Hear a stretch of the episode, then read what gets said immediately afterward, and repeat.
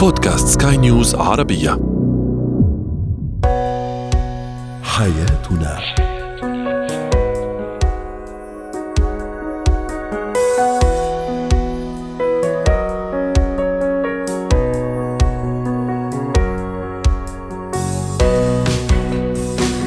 مستمعينا الكرام أهلا بكم معنا إلى حياتنا فضاؤكم اليومي الذي يعنى بشؤون الأسرة وباقي الشؤون الحياتية الأخرى والذي يمكنكم الاستماع إليه عبر منصة سكاي نيوز عربيه dot com slash podcast وباقي منصات سكاي نيوز العربيه الأخرى معي أنا أمال شاب.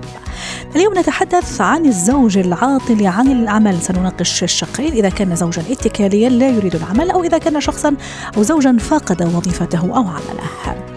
ما هي الخطة الخطة التغذية الصحيحة والسليمة للطفل ما بعد الفطام؟ وأخيرا نتعرف اليوم عن اتيكيت وذوقيات إقامة دورات تدريبية. هو وهي. لا شك أن العمل أو الوظيفة تمثل مكانة مهمة جدا في حياة الشخص حياة الإنسان. وأيضا لأنه هو كمان مصدر رزقه الأول الذي يحصل بواسطته على أشياء ضرورية في هذه الحياة. كذلك الأمر بالنسبة للزوج. الرجل العمل عنده شيء كثير مهم خاصة إذا كان مسؤول عنده بيت عنده أولاد عنده عائلة مسؤول عنهم. اليوم نتساءل عن الزوج العاطل عن العمل سواء كان شخصا اتكاليا زوجا اتكاليا لا يحب العمل غير متعود على العمل أو زوج فقد وظيفته. رحبوا معي بالمستشار النفسي والأسري الأستاذ ناصر الجماعة ضيفي العزيز أهلا وسهلا أستاذ ناصر. رح نحكي على الزوج الزوج الاتكالي أو رجل الاتكالي ما بده يشتغل آه، مش متعود على الوظيفة ممكن يشتغل أسبوع أسبوعين ثم يتحجج ومعتمد على ممكن راتب الزوجة معتمد ممكن على مصادر دخل أخرى لكن في النهاية هو عاطل عن العمل. كيف التعامل مع هذا الزوج؟ أهلا وسهلا بكم سعيد صحيح. بتواجدي معكم وإتاحة هذه الفرصة. آه لا شك أننا لما نتحدث عن كلمة رجولة فهي تعني بالمقام الأول القدرة على الكسب ومواجهة التحديات وحل المشاكل. وإن كان هناك بعض البيئات التي تخرق هذه القاعدة مثل شرق آسيا لو نذهب مثلا إلى تايلاند أو الفلبين أو إندونيسيا مثلا سنجد أن من يقوم بعملية الكسب والعمل هي المرأة وربما يكون عمل الرجل فقط في الحماية أو ربما يكون كأنه شيء فخري هكذا. كذلك أيضا بعض القبائل الإفريقية من يعمل في الرعي والزراعة هم النساء ويقتصر عمل الرجل على الإنجاب والتكاثر زائدا الحماية والقتال من الاخطار. لكن إحنا نتحدث عن حياة معاصرة، حياة مدنية يعيشها تقريبا أغلب سكان الدول العربية والعالم بشكل عام. هناك نوعين من الرجال. هناك رجل حصلت له ظروف صعبة. امم وهذا كمان راح نحكي عنه. انكسارات صارت انكسارات صار فصل من العمل.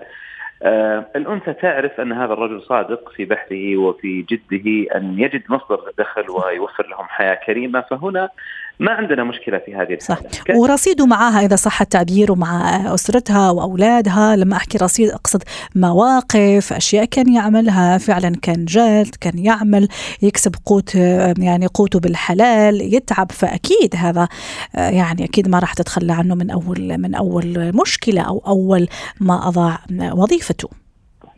إحنا مشكلتنا دائما مع الرجل الاتكالي الذي لا يريد تحمل المسؤوليات ولا يريد مع الأسف هناك نوعية من الرجال بهذا الشكل م. هذه الحالة غالبا تتجه إلى انتهاء العلاقة لكنها تظل ربما تظل ورقيا متزوجين لكن الحل الشعوري السكن النفسي للزوج والزوج هو منتهي من زمان م. لأنه ليش؟ لأنه ما في أمان أستاذ ناصر؟ منتهي لأن عكس الفطرة م. عكس الطبيعة فبالتالي دائما الطبيعة تستثني الأشياء الغير صالحة لكن ربما يظلون لأسباب مجتمعية ما بتستطيع تنفصل عشان المجتمع أو عشان ربما تربية الأولاد، أول ما ينتهي هذا الظرف بمعنى آه، تتوفى آه، يتوفى والد هذه الزوجة آه، فعند ذلك لا يكون هناك داعي وضغط مجتمعي بالتالي ينفصلون على طول. أو ربما الأبناء اصغر مثلا يكون قادر على الاهتمام ورعايه ذاته فبالتالي لا يعود هناك حاجة لهذا الرجل فتنتهي العلاقة من قبل المرأة. وهي منتهية أبدا ولا حتى ممكن المحاولات أستاذ ناصر ممكن نحاول نشجعه ممكن نحاول ما أعرف يعني نتشارك معه ممكن نحاول نحسسه بأهمية العمل. يعني في النهاية كمان إنه الطلاق يعني أكيد يعني هو أحيانا آخر الحلول للأسف. يعني أحيانا يفضل إنه يقع على إنه ممكن العائلة يعني تعيش بهذا الطريقة. لكن ما في طرق ما في طرق لممكن احتواء الموقف احتواء الوضع ما في طرق لا ما في طرق لأن القدرة على الكسب هي تساوي الرجولة والذكورة. مثل القدرة على عملية الحمل والارضاع والإنجاب ومارس على العلاقة الخاصة الجنسية بين الزوجين يعني إذا أنت لا تستطيع هذا فبالتالي أنت كأنك جردت هذا الإنسان من أهم دور. آه في هناك في في العلاقات عموما في الأسرة في عندنا ما نسميه بالمفاصل الصلبة وفي المفاصل الهشة. المفاصل الصلبة اللي هي وجود المال أو القدرة على الكسب العلاقة الجنسية الاحترام هذه مفاصل أساسية. لو اختل واحد من هذه الثلاثة تنتهي العلاقة غالبا. أو تتجه إلى الانتهاء. هناك مفاصل هشة. خلينا نقول المزاجية والعصبية ويعني الخلافات وجهات نظر. هذه صح انها مؤثرة لكنها ليست مفاصل صح. أساسية. هي بدليل الواحد ممكن لما يتقدم لخطبة أي فتاة ممكن اول مش ممكن أكيد أول سؤال أنت تشتغل؟ وشو وظيفتك أو وين تشتغل؟ هل وظيفتك يعني ثابتة؟ هل وظي... هل عندك أمان وظيفي صح ولا لا أستاذ ناصر؟ أحيانا كمان ما أدري إذا توافقني الرأي ولا لا أحيانا ممكن بعض الزوجات هن يشجعن هذه الاتكالية عند الرجل تساعد تخ... تخ... يعني تطلع تشتغل ممكن تعطيه من راتبها تعطيه من فلوسها إحنا ما نحكي على اللي فقد وظيفته لسبب أو لآخر نحكي على اتكالي فممكن كمان أحيانا بعض التصرفات اللي تقوم بها بعض الزوجات. طبعا هي اعتقادا منها انه راح تحمي بيتها من الانهيار حتى الاولاد ما يحتاجوا شيء لكن كمان عم تشجع فيه هذا الصفة السلبية. وتجدين أن هذه الزوجة تربت في بيئة كانت والدتها تعتني بالذكور أكثر من الإناث ودائما تقول للبنات يلا روحي ساعدي أخوك روحي اشتري لاخوك أعطي أخوك من راتبه. فبالتالي هي تنشأ أنه من الطبيعي في حياتي إني أنا أسند الرجل وإني أقف مع الرجل. ربما كان والدها كذلك كانت أمها تعمل فتساعد زوجها. أنا ما أتحدث عن المساعده الطبيعيه أتحدث عن مساعدة إنها تتحمل مسؤوليات الرجل. فبالتالي تنشأ بطريقة آه، كمعتقدات وقيم مشوهة عن الحياة. تنظر للحياة بشكل مشوه. الأنثى لما تتبنى أحوال ذكورية اللي هي المساعدة وتقديم الخدمات والرعاية المادية فيها لذة مؤقتة وفيها نشوة التحكم والتمكن والانتصار. لكنها غير متوافقة مع فطرة الأنثى أنها تتلقى الرعاية. صحيح ومشكلة لما تتحول طاقة الأنوثة عند المرأة إلى طاقة ذكورة والعكس صحيح. طيب نجي نحكي على النقطة الثانية أنه لما هذا الزوج لا كان مثل ما قلنا في البداية شغيل يكسب قوته بالحلال يكد يشتغل لكن فقد الوظيفة أحيانا تطول يطول الموضوع صح ولا لا؟ ممكن تكون عندنا مدخرات أنا كزوجة عاملة حسابي لكن تطول الفترة طول المدة التزامات كثيرة أحيانا هو كمان يعني يبتدي يحس إنه منزعج كيف زوجتي عم تصرف علي ف كيف الاحتواء هون؟ إيش الطريقة الصح؟ أفضل شيء تعمل الزوجة في هذه الحالة هي تحفيز ذكورة الرجل. تستطيع انت تقدر أنا أثق فيك روح تحرك. الذكر المتوازن عنده قدرة عالية على رؤية الفرص. على فكرة. وحتى لو انتهى هذا العمل هناك جميل. مئات وعشرات الفرص في أي مكان حتى صح. لو تذهب إلى مزاعه ستجد فرص. الذكر لو ترميه في وسط البحر حيخلق لك فرص. أنا أقول للأنثى أنك دورك هو تحفيز ذكوره الرجل عن طريق إعطائه المكانة والقيمة والتقدير والكلمات الطيبة فقط وليس أكثر من ذلك. المساعدة المادية تقتل ذكورة الرجل. إحنا نقول دور الأنثى الطبيعي هي المساندة العاطفية والوجدانية. فإذا كان هذا الرجل يريد أن يختار النهوض من جديد سيفعل ذلك لا محاله. أحيانا ياخذها شماعة وعذر علشان ينفصل ويعني ينفك من هذه المسؤوليات وهنا يدخل في حال ما نسميه الرجل الاتكالي أو الرجل المهمل. جميل، شكرا لك أستاذ ناصر الجميع ضيفي العزيز وأتمنى لك أوقات سعيدة. زينة الحياة اليوم نتحدث عن التغذية السليمة الصحيحة لطفلي ما بعد الفطام. رحبوا معي بدكتور سامح عبد العظيم استشاري طب الأطفال وحديثي الولادة. أهلا وسهلا دكتور سامح. شو يعني الفطام؟ أول شيء طبعا أكيد الكل يعرفه لكن معلش تعرف كذا مبسط مدخل بسيط. لا نبتدي حوارنا ونقاشنا اليوم. أهلا أمال وأهلا بالسادة المستمعين. آه، الفطام زي ما كل أم عارفاه هو آه، الطفل في بداية حياته بيكون معتمد على الحليب حليب الأم أو آه، حليب آخر وبنبتدي ندخل للطفل الأكل الصلب في مراحل متعددة ومتدرجة لحد ما نوصل بإذن الله إن الطفل بياخد الأكل تماما وبيستغنى عن الحليب أو يتوقف اللي هي بتوصل المرحلة دي بعد عمر السنتين. هو ده تعريف بسيط لمرحلة الفطام تدريجيا مع الطفل ويفضل أنتم كدكاترة تفضلون انه الفطام يكون تدريجي دكتور سامح صح؟ بالتأكيد أمل. الحقيقة طبعا لو اتكلمنا عن فترات الفطام إحنا بنقول طبعا إن الأطفال اللي بترضع طبيعي هي بترضع رضاعة طبيعية من الأم لمدة ست شهور هو ده كافي للطفل بدون أي إضافات أو دخول أي أكل.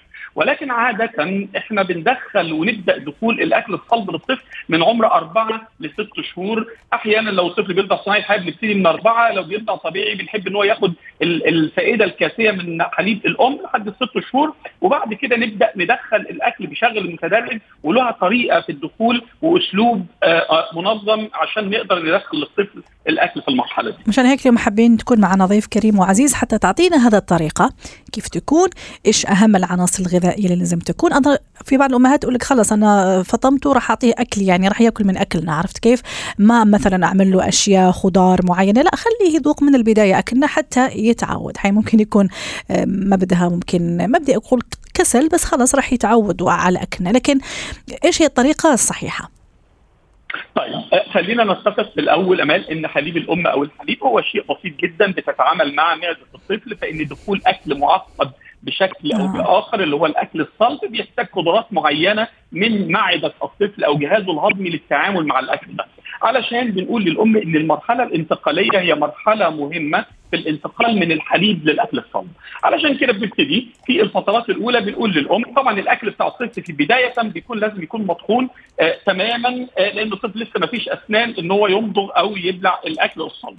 آه بنقول للأم إن إحنا عندنا طريقة. إحنا اولا لازم نبتدي بالحاجات الخفيفة. اولا إن أي أكل جديد يتم إضافته للطفل لابد من تجربته على الأقل ثلاث أيام 100% نطمئن حساسية. أي نوع من أنواع الحساسية ناحية الأكل ده. رائع. ودكتور معلش كمان هل ينصح إنه مثلا ما نجرب أكثر من نوع؟ هو نوع واحد مش نوعين.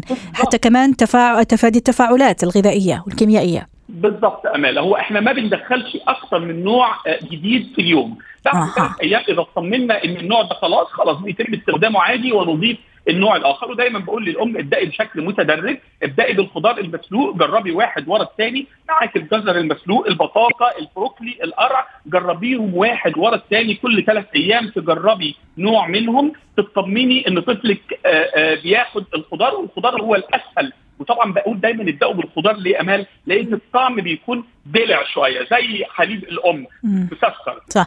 أحط له شوية ملح لأنه كمان طعم الخضار من غير ملح كمان لا يستصيغه يعني الكبير ما يستصيغه ما بالك الصغير. أحط له رشة يعني كذا شوية نتفة صغيرة ولا لا؟ ممنوع في البداية. ممنوع. okay. تماما. تمام؟ وما تقلقيش الطفل بيقدر ياخده. هو ال taste بتاعه غير ال taste بتاعنا إحنا ما تقلقيش يلا الله يطمنك. شكرا. بننتهي من مرحلة الخضار. نخش على الطريه والمسلوقة وطبعا الجملة اللي بقولها الامهات دايما أي فاكهة صلبة تقدري تسلقيها وتقدميها لطفلك آه. ثم يتدرج الموضوع أمام طبعا بإضافة البروتين بداية من الش... من بعد الشهر السادس إضافة الزبادي إضافة صفار البيض إضافة الدجاج ثم اللحم ثم بعض الأسماك المعينة الزيتية بتكون لها فائدتها ثم يوصل الطفل لمرحلة البقوليات العدس الحمص وإضافة المكسرات ويمكن أنا قلتهم بشكل سريع سريع سريع لأنها مراحل كل فترة منها يطول شرحها. صحيح. دكتور كمان حكيت على نقطة فواكه وراح بالي للسؤال الاتي أنا عم جرب لابني اليوم مثلا خلينا نقول بروكولي خضار. ممكن ادخله كمان فاكهة ولا لا؟ كمان الفواكه ما نعطيهاش مع الطفل مع خضار تفاديا لأي تفاعلات؟ لا. لا عادي. جربنا النوع إذا جربنا النوع ما فيش عندنا أي مشكلة خالص إن الأم تخلي وجبة وجبة خضار الوجبة الأخرى تكون فاكهة. لكن في شوية قواعد كده أمال لازم الأم تتبعها وبعض الأشياء اللي لابد أن تتجنبها. أول حاجة لازم إحنا الطعام دايما الأمهات بتبقى بترضع الطفل وعاوزة تأكله مباشرة. الحقيقة شهيه الطفل لا تحتمل ومعدته صغيره كمان ما تتحملش. بالضبط انتظري من ساعة لساعة ونص يكون الطفل بدأ عنده قابلية للأكل. بنقول بداية في الأول تقدر الأم إنها تخلط الحليب بتاعها أو الحليب الصناعي مع الأكل عشان الطفل يبقى يستسيغه ويحس إن هو لسه في نفس المرحلة. آه مشكلة كبيرة أمال الأمهات بتتخيل إن الطفل هيجيب طبق كبير كده زينا صح. ويقعد ياكل خطتين مكرونة كبار. صح مع البشاميل كمان يعني ويا ريت تكون مع البشاميل يعني تكوني مرتاحة. لكن طبعا هو الطفل معدته صغيرة لا تتحمل أكثر من معلقتين لثلاث معالق. آه، بنواجه مشاكل مع فترة التسنين لابد أن نتجنبها. آه، الأمهات أحيانا بتواجه مشاكل إن الطفل بيرفض الأكل فبنأكد آه. فيها إذا الطفل رفض للأكل لا جربيه مرة ثانية أنا كنت راح أحكي لك على هالنقطة دكتور سامح يا ريت نختم بها اليوم. أحيانا كمان من مشاكل الأطفال لما يكونوا أربع خمس سنوات تقول لك لأنه لما كان صغير جربت له مرة وخلص وما رجع ممكن مرتين حاولت مرة ثانية ثم خلص ما بده مثلا يأكل البروكولي أو الجزر. هل يعني الفكرة هذه أو المنطلق اللي عم أنطلق منه أنا كأم خاطئ لأنه الطفل عنده القابلية أنه يستصيغ كل الخضار ولا لا هو كمان زينا ممكن يحب طعم البروكولي ما يحبش طعم البطاطس مثلا وعادي ده اعتقاد خاطئ تماما. أي أكل يرفضه الطفل بننتظر عليه يوم أو يومين ونجربه تاني بياخده الطفل وما بيرفضوش وده غلط إن الأم تقول إن الطفل ما بيحبش ده. إذا الأم حاولت معاه مرة واثنين وثلاثة الطفل هياخد الأكل ويتقبله والطفل لا, لا يملك ذاكرة للأكل. آه، آه، نهاية ال ال ال يعني ما يتذكرش إيش إيش اللي عجبه وليش مش عجبه مثلا؟ بالضبط. أيوه. بالضبط بالضبط كده. في نهاية المداخلة حاجة مهمة لازم أقولها العادات الخاطئة. سريعا. تفضل لو سمحت. أكيد تفضل ما تديش الطفل آه، ما تديش الطفل قبل عمر السنة الحليب البقري غير مصرح به غير بعد عمر السنة. ما تديش طفل العسل, العسل. قبل عمر السنة ما تديش طفلك أكل قليل الدسم وتقولي أنا بخفف عليه لأن طفلك محتاج ال ال ال الدهون دي ما تديش طفلك مشروبات سكرية صح. ومالحه لأن ده بيأثر على كليته لأنها غير ناضجة ما تديش طفلك أكل فيه بيض ني لأن ده قد يسبب مشاكل صحية ما تديش طفلك منتجات ألبان غير مبطره لأنها قد تسبب مشاكل للطفل سريعا لازم ناخذ بالنا من صحة اطفالنا. يا سلام، شكرا لك دكتور سامح. وراح اضيف كمان رشفة الشاي ورشفة القهوة، أحيانا كمان الأهل يقولوا خلي نجرب رشفة صغيرة ما يضرش، لا أكيد هذا مش لاطفالنا الصغار، شكرا لك دكتور سامح.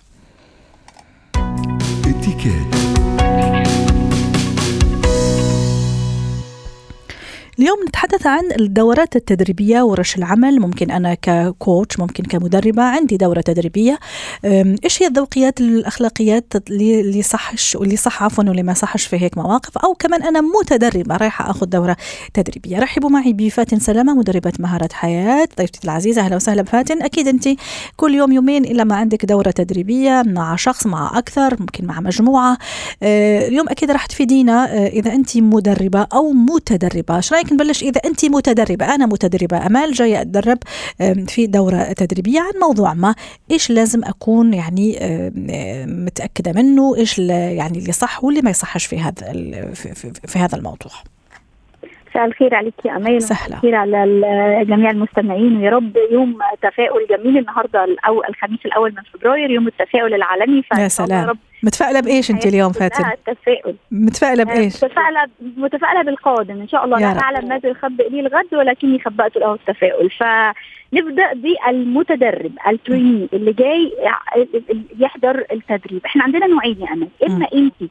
الشركة اللي حضرتك بتشتغل فيها قررت إنها تبعتك لتدريب معين. أو أمال قررت إن هي تحجز الورشة دي أو تحجز آه، التدريب ده مع آه، مدربة معينة. نعم. آه، النوع الأول هو طبعا بيكون أصعب لأن النوع الأول أوقات كتير بيكون حاسس إن هو فرض عليه التدريب هو مش عايز يروح فخلينا نبدأ بإن جنرال سواء أحيانا كمان يكون عايز بالعكس يكون متحمس يعني لدوره يعني بالعكس شيء رائع إنه مؤسسة معينة بترشح سين أو صاد ليطور من مهاراته في أشخاص إيه ممكن يمتعضوا في أشخاص بالعكس يكونوا جدا مرحبين. طبعا في أشخاص بيكونوا مرحبين ودايما إحنا بنتحدث عن التطوير والتعليم الذاتي بيبدأ من انت من الايجرنس من من قد إيه انت عايزة تطوري من نفسك. فخلينا نتكلم بصورة عامة. أول حاجة الالتزام بالوقت. يعني أنا اكون رايحة في معادي حتى لو بدري خمس دقائق عشر دقائق عشان أعرف أنا صح. آه، أتعرف بالمدرب اللي هيكون معايا اليومين الثلاثه الجايين أو الكام ساعة اللي جايين. وسواء كنت أمثل مؤسستي سامحيني عم تحكي نقطة مهمة سواء كنت أمثل مؤسستي أو كمان أمثل نفسي لأنه الالتزام في الوقت يعني هو أول شيء احترامي لذاتي.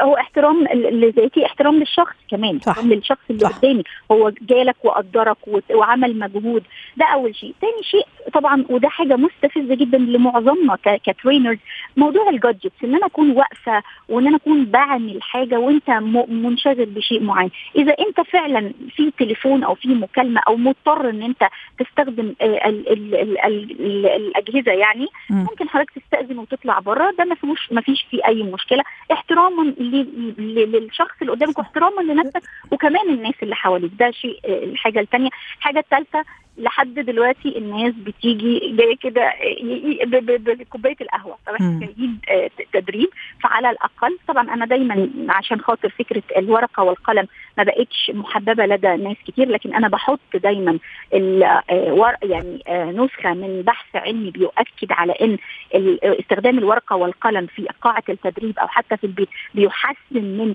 النشاط العقلي. تحط نسخة من ده ورقة كده هي صغيرة. تدوين يعني التدوين شجعوا يبدأوا يدونوا ورايا فالتزم إن أنت تدون. كمان التفاعل مهم جدا. لما تسألك هي سؤال أو المدرب يسألك سؤال أو زميلك يسأل سؤال الانصات والتفاعل ده حلو جدا لأن ده هيعزز من قد إيه أنت هتستفيد من الكلام هتستفيد من الورشة هتستفيد من الكام ساعة اللي المفروض أنت تطلع منهم شخص أفضل ولو بنسبة 1% أو تطلع حتى بمعلومة بمعلومة جديدة. جميل. ال break أو وقت الاستراحة لازم نلتزم بيه. إذا قلنا 15 دقيقة فنعود بعد 15 دقيقة. إذا قلنا 20 دقيقة نعود بعد 20 دقيقة. يعني أنا غالبا دايما بقول للمتدربين اللي بيجوا لي عشان في course أنا بدي اسمه train the trainers أو تدريب المدربين. بقول لهم لما تدوا تدريب لما تدوا break 20 دقيقة أنتوا أعمل حسابك نص ساعة. بس أنت قول 20 دقيقة علشان في العشر دقائق ال buffer دي هو هيبدأ تبدأ تجمعهم تاني وهكذا. جميل. آه طيب نروح للمدرب إذا خلصنا من المدرب طبعا. فاتن. المدرب. آه المدرب. المدرب أهم حاجة جدا هو يعني dress to impress أنا بالنسبة لي المظهر مهم. أنا رايحة أدي تدريب للناس فأكيد مش هروح مثلا ب trainers أو يعني هروح هروح بالمظهر المناسب. مش هقول مثلا ال suit ولكن هقول خلينا smart casual يعني to look يعني حاجة لا تؤذي كمان المتدربين مش حاجة ألوان كتير ما بيكونش فيها بهرجة. المدرب لازم يروح as early as possible لازم يروح بدري لازم يحضر قاعة التدريب بتاعته يتأكد إن جميع أدواته بتشتغل كويس البروجيكتور شغال في board اللي هو هيستخدمها. مهم قوي إن أنت تروح قبل المتدرب لأن هو مش هيقعد يستناك هو مش هيقعد ينتظرك. صح. أنت شغلك إن أنت جاي دلوقتي تعمل حاجة دي ال service اللي أنت هتقدمها فاحتراما ليه انت كمان. روح بدري حضر الأدوات بتاعتك. آآ آآ لازم نستخدم آآ يعني breaking ice أو حاجة تكون تكسر حاجز الثلج زي ما بنقولها ما بيننا وما بين المتدربين. الحاجة دي بتاعتك تكون جاهزة. لو انت صح. هتوزع عليهم حاجة تكون already محطوطة على الأماكن بتاعتهم. لو معاك assistant ال assistant بتاعك يساعدك في ده. تكون ملم بالموضوع. تجرب كل الوسائل اللي معاك. تشوف هي شغالة أو مش شغالة. اللابتوب بتاعك مشحون. الحاجات دي كلها. واضح. شكرا لك فاتن سلامة ضيفتي العزيزة. من القاهرة. حياتنا. ختام حلقة اليوم من حياتنا. شكرا لكم وإلى اللقاء.